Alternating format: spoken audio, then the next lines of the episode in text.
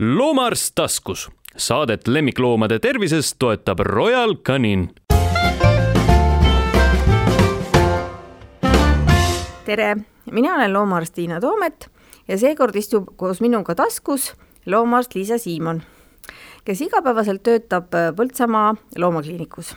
kui me eelmises saates rääkisime doktor Janne Orroga haigustest, mis ründavad loomi väljastpoolt, nakkushaigused ja parasiidid, mida siis loom oma elu jooksul kusagilt võib kinni püüda ja mille vastu meil on väga palju profülaktilisi abinõusid juba tänapäeval, siis täna vaataksime seestpoolt väljapoole.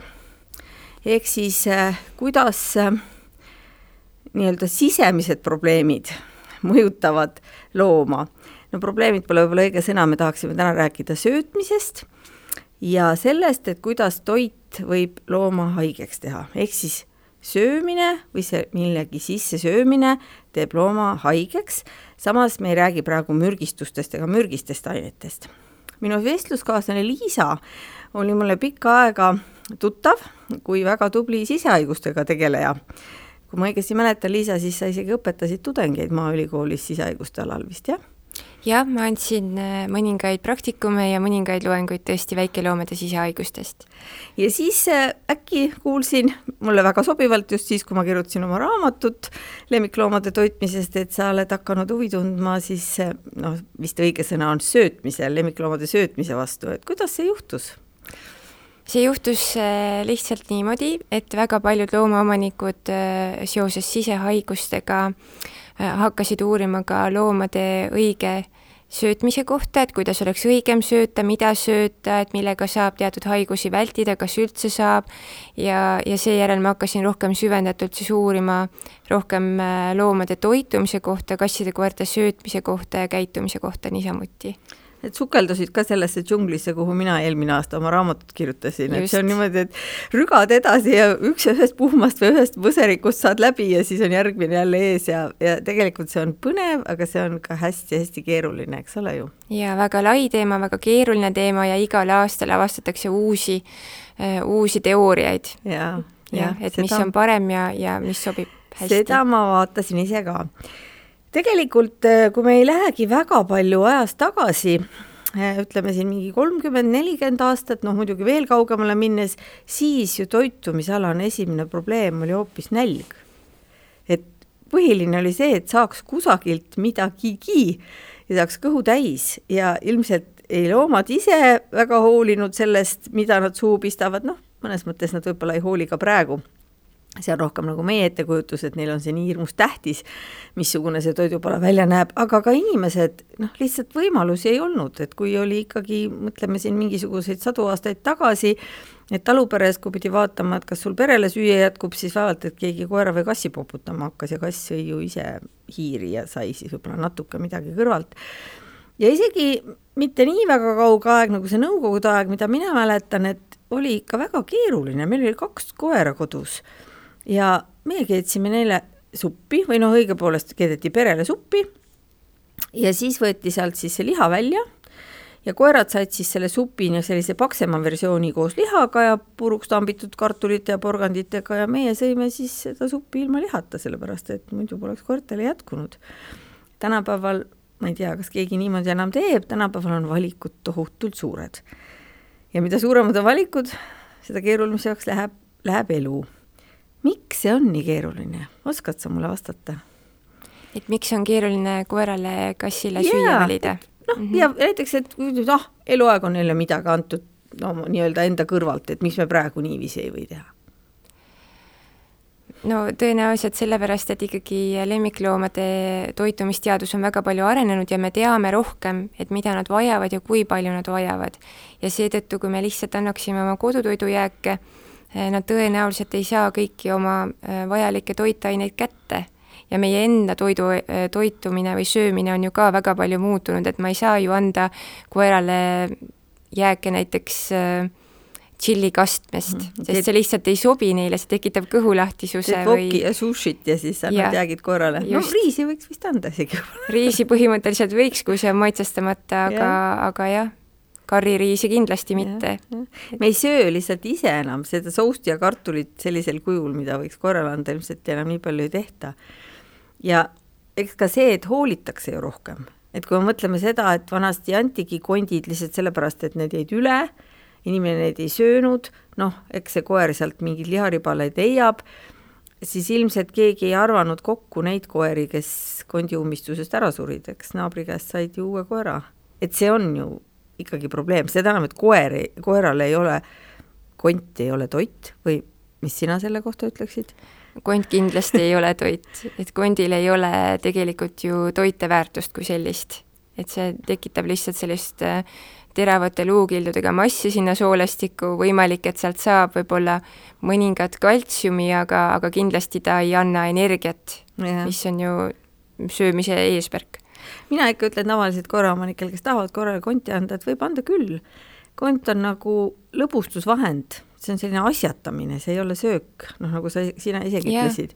ja sellisel juhul muidugi peab tohutult hoolega valima, sellepärast et äh, toores mingisugune looma või lambareie või sääreluu oleks kõige parem, ümarate otstega kilde ei saa, las ta siis närib, aga noh no., süldikont on ikka kõige hirmsam asi, mis olla võib ilmselt selle toore kondiga niisamuti tegelikult äh, peab ikkagi teadma neid riske, et, et võivad tekkida ka hamba- ja mailikahjustused, et mitte ainult see mitte ainult see kondikild ei ole ohtlik seal soolestikus, aga tegelikult ka hamba- ja mailikahjustused on kiired tulema mm isegi kui see on selline nii-öelda igalt poolt ümar, et ta ei saa, no ilmselt ta võib saada. Nad ikkagi üpris kõvasti ja. Äh, hammustavad ja. või üritavad närida. ja huvitav, et millegipärast on selline ettekujutus, ähm, et, et metsloom pistab kondid ka nahka, aga tegelikult ju nad söövad ju ära ikkagi nii-öelda lihased ja, ja kõõlused isegi natukene ja kõike seda, aga kondid jäävad ikkagi enamasti ju metsa vedelema, et, et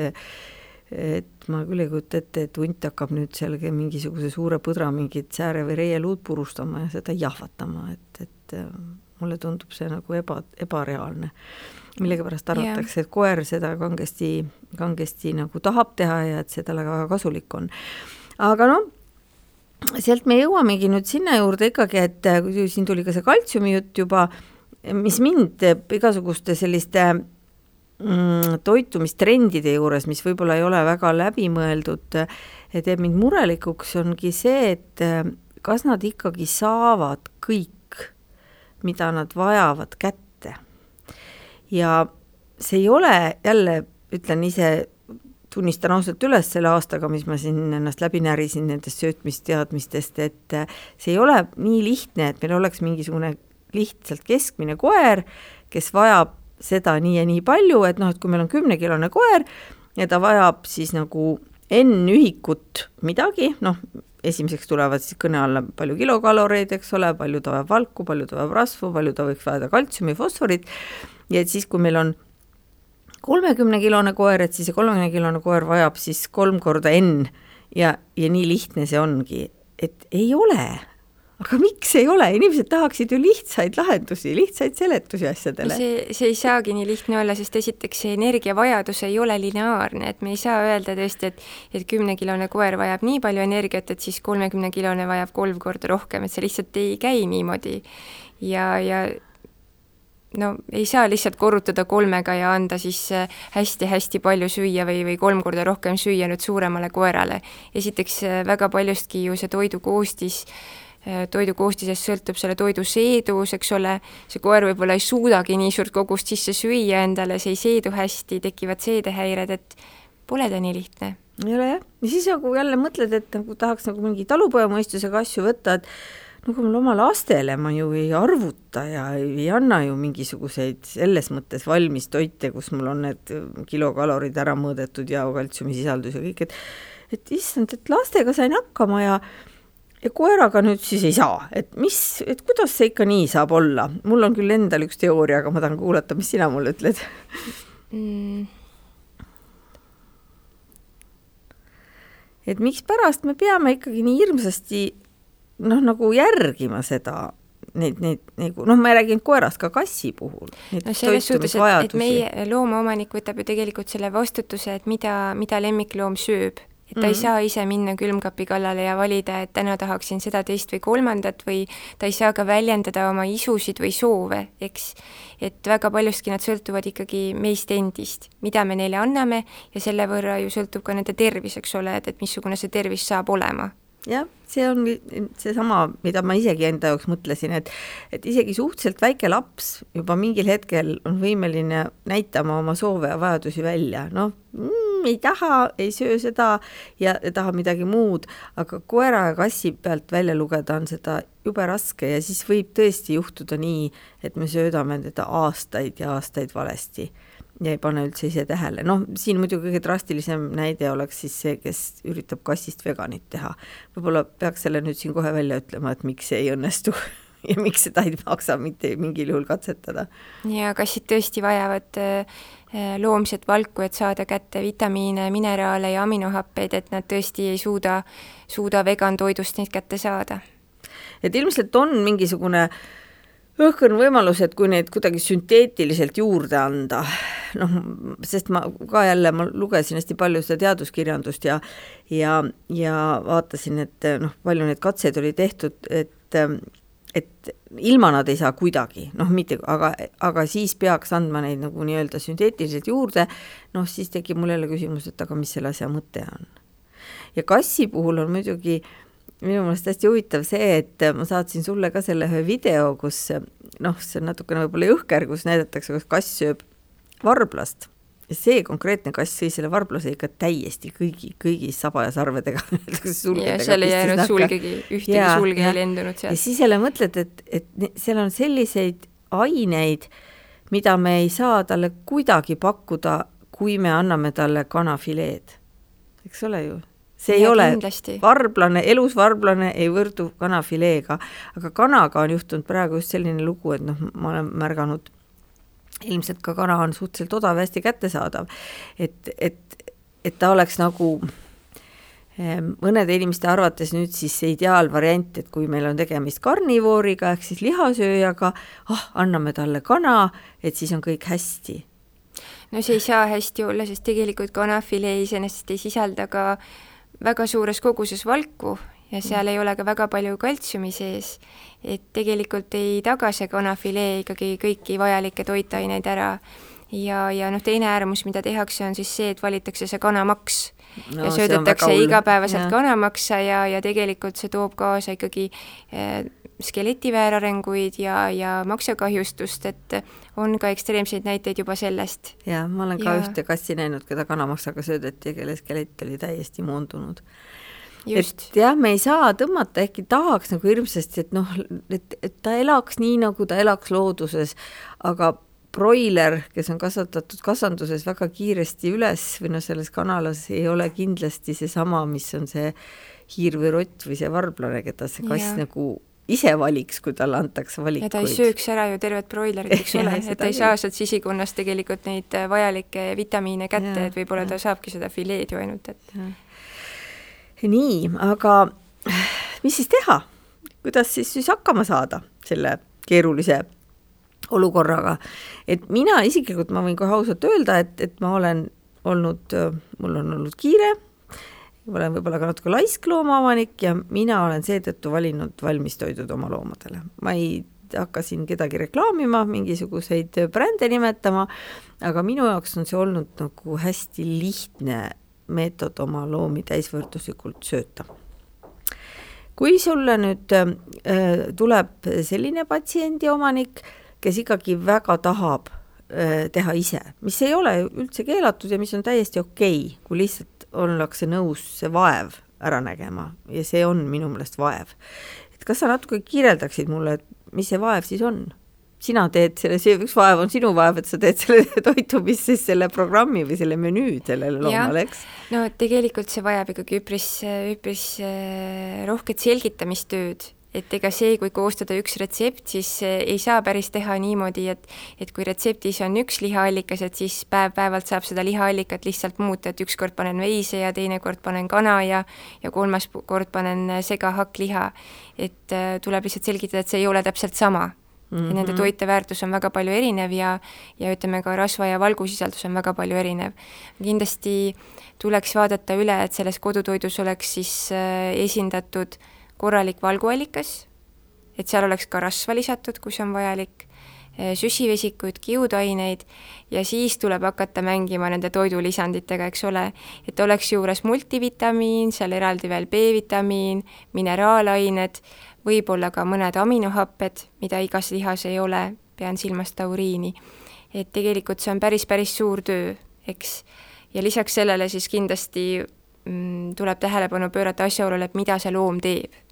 kui palju ta jalutamas käib, kas temaga tehakse sporti, on ta mm, steriliseeritud, kastreeritud, et kui suur on tema energiatarbimine, eks ole. et kui palju ta mm -hmm. energiat üldse vajab ja kui palju ta toitu on valmis üldse ära sööma, sest mõnikord on niimoodi, et, et need kodutoidu kogused on väga-väga suured ja, ja loom ei jaksagi neid ära süüa mm. -hmm. ja kui siis nüüd sellele, ma ei tea, kahele kilole on arvestatud ilusti korralikult täpselt välja see kogus kaltsiumi, mida ta peab saama et ta tegelikult sööb sellest ära ainult pool, siis tal kogu aeg tekib ju selline kaltsiumi defitsiit, noh, kaltsiumi näide, aga ükskõik mis muu, kas Just. vitamiin või mineraal.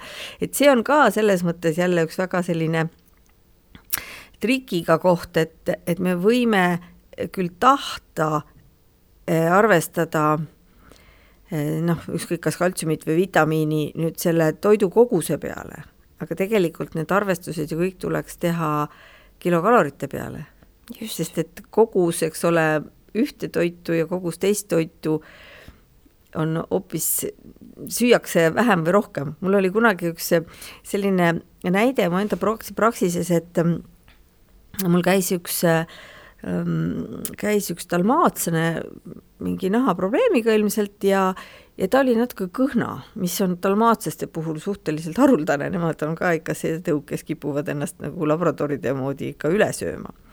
ja kui ma omaniku käest küsisin, et kas ta, kas ta isu on, ta ütles, et tal on väga hea isu, siis ma ütlesin, et äkki ta toidukogus on siis ikkagi väike. Et, et noh, kui tal on hea isu ja ta on selline kõhnavõitu. ja omanik ütles mulle, jah, ma olen proovinud talle rohkem anda, aga ma ei jõua siis tema järel koristada, seal on nii palju neid hunnikuid. No siis ma uurisin selle toidu kohta ja selgus, et tegemist oligi hästi odava toiduga.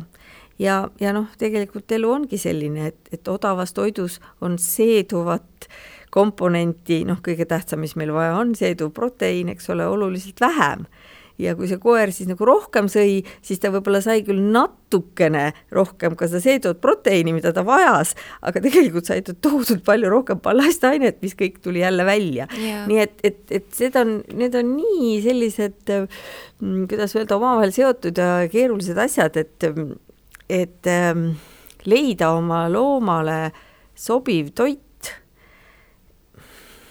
Ühest küljest ma ei tea, kas see on keeruline, sest et kui me, kui me, kui me ei ole väga pirtsakad, kui me mõtleme, et, et meil on, ütleme, loomakliinikutes ja ja lemmikloomapoodides ikkagi päris hea kvaliteediga toite, siis siis sealt alati annab, annab otsida midagi ja eriti noh, tuleks kuulata oma loomaarsti, ma arvan, et igal loomal võiks ju olla oma perearst juba, kas või see, kes teda kord kahe aasta tagant vaktsineerib marutaadi vastu, siis tema käest nõu küsida, aga nüüd, kui inimene kangesti tahab ikkagi ise ka midagi teha.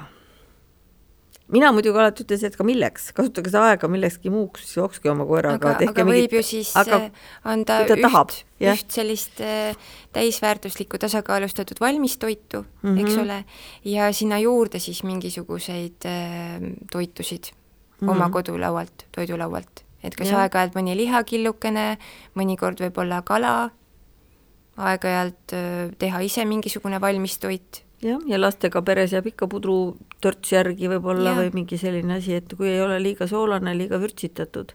ja kui ei ole tundliku seedimisega koer, sest mõned lihtsalt ei, ei talu. mis on jälle, mina oma mätta otsast vaatan. aga see on üks selline läbikäinud number, ma mäletan, et kui kümme protsenti kaloraažist anda midagi muud, et siis see on suhteliselt ohutu. oled sa ka sellist numbrit ma olen kuulnud? nõus, et kuskil kümme protsenti võib jääda siis äh, koeramaiuste jaoks või, või siis kodutoidu jaoks mm.. et siis, äh, siis on ikkagi tagatud see, et ta saab oma ülejäänud toidust kõik vajalikud asjad kätte, eks ole. sest üldiselt kui anda juurde nüüd seakõrvasid või sabasid või igasuguseid muid närimismõjuseid mm, -hmm. siis sageli nende kalorisisaldus on nii-nii kõrge, et nad ei pruugigi süüa oma valmistoitu nii palju Nad saavad kõhu lihtsalt täis. jah, see ongi see, et mikspärast see peaks olema tegelikult kaloraaži puhul arvutatud, aga mitte nagu koguseliselt. sest see on täpselt see ka, et, et sa võid anda kümme protsenti sularasva või võid yeah., aga siis see tähendabki, et kõht ongi sellest rasvast ja võist täis ja midagi muud nagu pole, polegi tal põhjust süüa. ja kassid ju eriti armastavad kõiki rasvaseid asju et kassi jäätiselembus öeldakse, et ei ole üldse mitte sellepärast, et nad nii hirmsasti piima tahaksid või et neile magus meeldiks, aga et, et jäätis on rasvane, et see on nagu see, mis neile meeldib. nii, aga me oleme nüüd jõudnud selle jutuga nüüd täpselt äh, sinna, kuhu ma tegelikult jõuda tahtsin, et äh, nüüdne mure number üks, näljast oleme võitu saanud kolmekümne või neljakümne, viiekümne aastaga, nüüd on ülekaal ja see ongi, see ongi nagu üleüldine probleem, see on nii suur probleem, et see on juba nagu loomakaitsealaline küsimus, et ma tean riike, kus loomaarstid peavad raporteerima loomakaitsesse, kui nende juurde tuleb nii ülekaaluline loom, et see juba takistab tema nagu normaalset elu. kuidas see juhtus? mis, mis, mis on juhtunud, miks me söödame oma loomad paksuks? eks see ilmselt on niimoodi, et äh, toidud on väga maitsvad Nad on väga energiatihedad, sisaldavad palju energiat ja, ja loomad liiguvad oluliselt vähem kui varem. ja loomulikult eh, tubane keskkond, koerad elavad enamasti toas, nad ei kuluta enam energiat selleks, et hoida sooja. Mm. -hmm.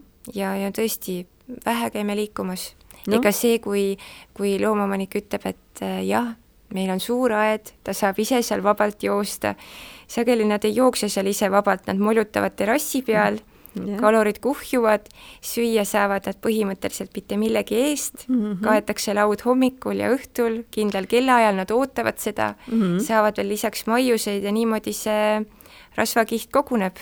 vaatab ja. trepi peal kurva näoga, tegelikult Just. vaatab kurva näoga, tahaks jalutama minna, aga omanik ütleb, oi, ma ise sõin võileiba, talle ei andnudki, eks.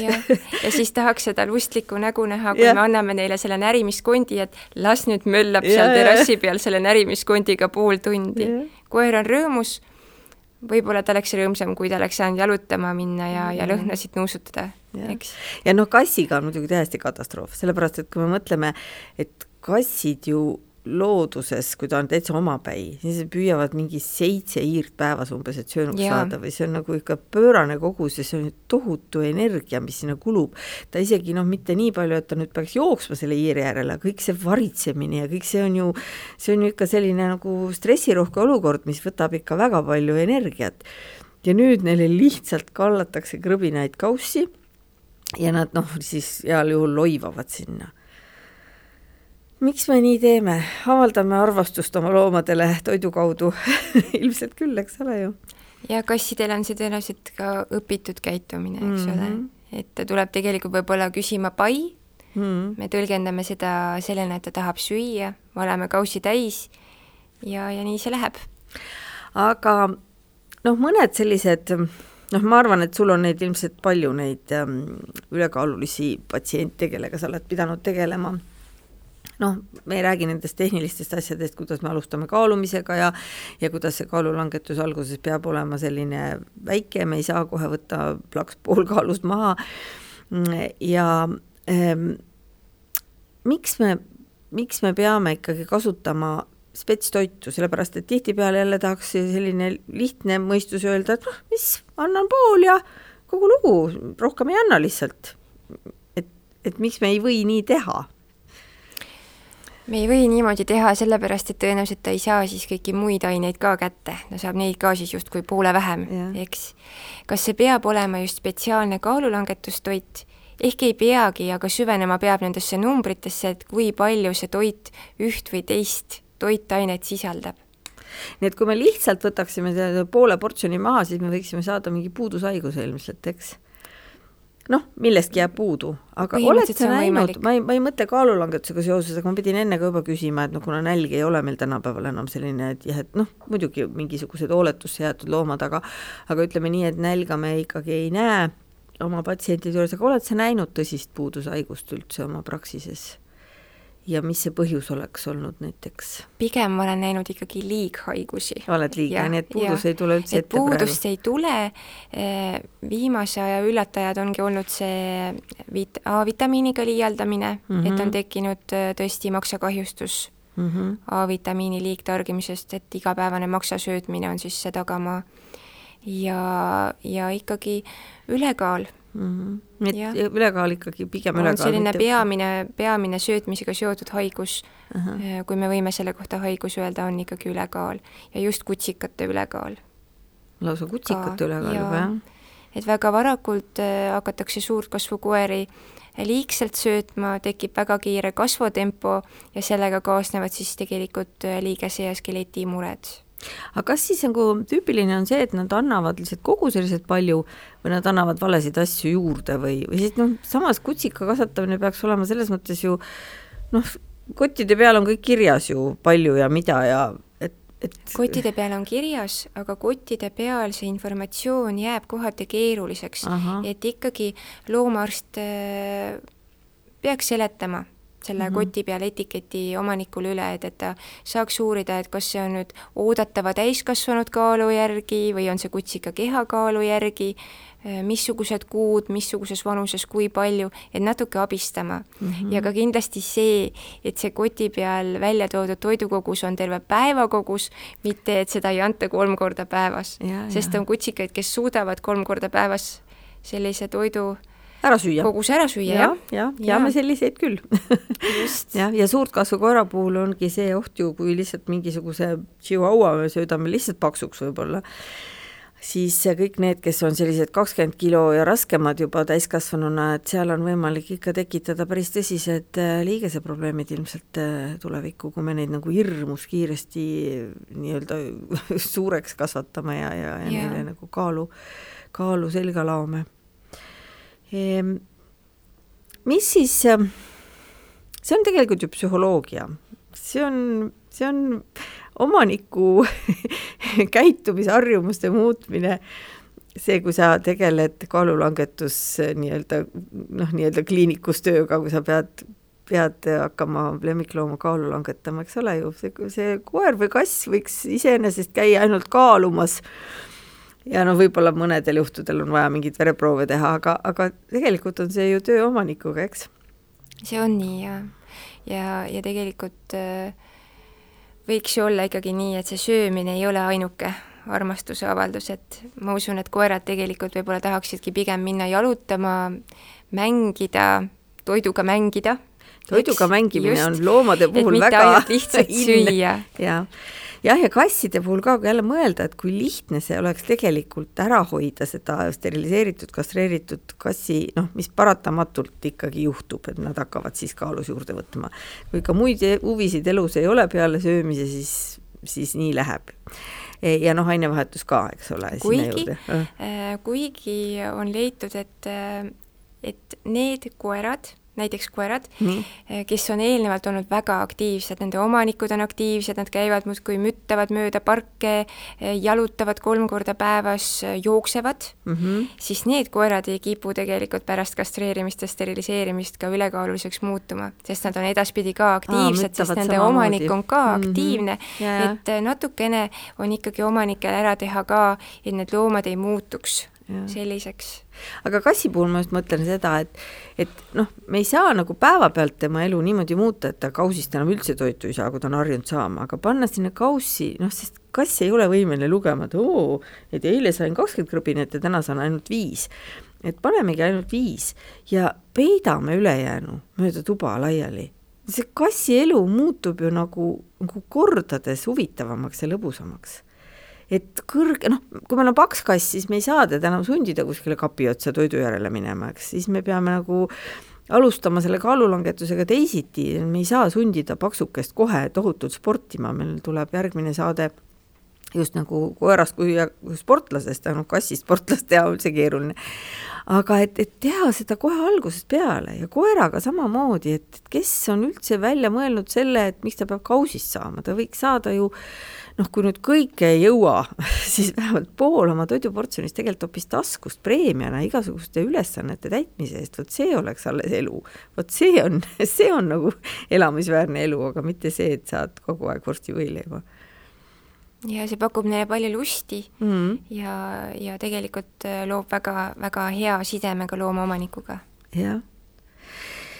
No psühholoogiast rääkides veel, siis muidugi selliseid traditsioone on raske murda, et noh, ma olen isegi sellega kokku puutunud, et, et mõne ülekaalulise loomaomanik ütleb, et tema ise peab nagu väga ranget järge, mida ta oma koerale annab, aga no siis on lapsed ja siis on vanaema ja ja siis on keegi, kes on harjunud hommikulauast noh, et vot joovadki kohvi koeraga ja saabki vorsti või leiba ja et neid asju nagu päris päevapealt ära keelata on keeruline, sellepärast et see on jälle, koer on ju harjunud. Ja, ja tema jaoks on see nagu väga veider, et nüüd iga hommik ma saan midagi ja nüüd ei saa.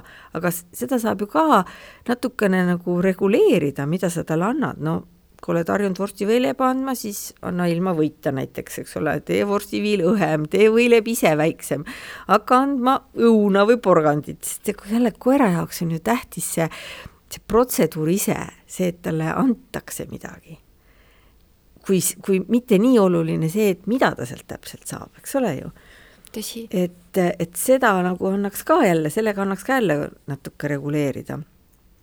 aga üldiselt ma pean ise ütlema, et ma ei ole märganud, ma tõesti ei ole märganud ja ma ei tea, kuidas see juhtus selle kolmekümne aasta jooksul, et loomad on ülekaaluliseks läinud. tähendab, noh, ma olen märganud, et see on juhtunud, aga kuidas ja samal ajal, kui me räägime inimestest, kes ei saa piisavalt täisväärtuslikku toitu, ka Eestis ikka ju tulevad mingid numbrid, et kus on kas peredes lapsed, kes ei saa piisavalt süüa, noh, kui me räägime maailmast, kui palju on nälgivaid inimesi, ja siis on äkki tohutu hulk koeri ja kasse, kes võiks poole oma toidust ära anda nälgivate inimeste hüvanguks.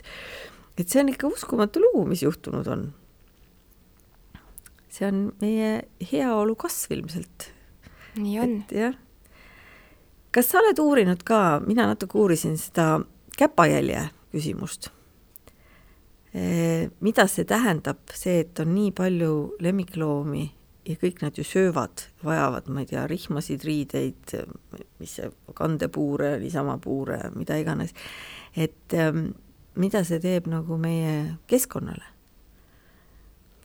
ma ei ole otseselt sellesse teemasse väga palju mhm. süvenenud mm, -hmm aga, aga mõningaid artikleid olen uurinud. see on ka hämmastav, et ma jälle ka, ma üldse ei olnud selle peale mõelnud ja nüüd, kui ma seda raamatut kirjutasin, siis ma hakkasin neid otsima ja sain aru, et see on ikka päris võimas, see käpajälg, mis, mis järgi jääb. noh, juba äh, alustades sellest, et eh, liha tootmiseks on vaja üles kasvatada need loomad ja need loomad käivad kusagil karjamaal ja need karjamaad haritakse üles ja nende ülesharimiseks kulub nii ja nii ja nii palju energiat ja kütust.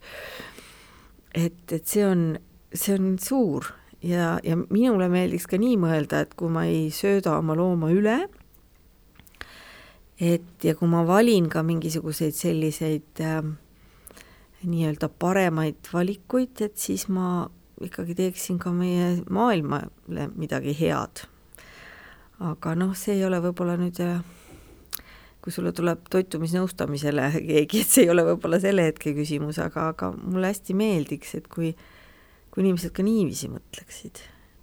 no tegelikult on nii, et, et sööta tasuks ikkagi selle järgi, kui palju loom vajab et ja. me ei ostaks kokku erinevaid äh, maiuseid, võib-olla erinevaid toitusid lihtsalt selleks, et me saame ja me tahame pakkuda, et, et võib-olla kõike mõistlikkuse printsiibil ikkagi anda. ja tarbida nii palju, kui on vaja. ja, ja sellist juttu ma tavaliselt ütlen, et ma ei taha kuulata, kui keegi hakkab rääkima, eriti koera kohta, et oh, talle ei maitse, talle alguses see toit maitses ja nüüd talle enam ei maitse, siis ma ütlen, ma ei usu seda. koerte maitsmismeel on nii kehvasti arenenud, et pigem ta ootab teilt mingisugust tähelepanu selle toiduga seoses ja, ja et ta ei saa kas seda piisaval määral, aga see, et talle mingi toit ei maitse, see unustage küll ära. kui muidu hästi sööv koer muutub ootamatult isutuks, siis tuleb temaga minna ilmselt arsti juurde, sest tal võiks olla mingisugune terviseprobleem. aga selle tõdemusega me võiksime täna lõpetada, aitäh sulle, Liisa, ehkki siin aitäh. juttu oleks pikalt-pikalt, aga, aga võib-olla siis mõni teine kord ja mõnest nii-öelda spetsiifilisemast ähm, toitumise probleemist. aitäh veel kord ja kuulake aitäh. meid jälle.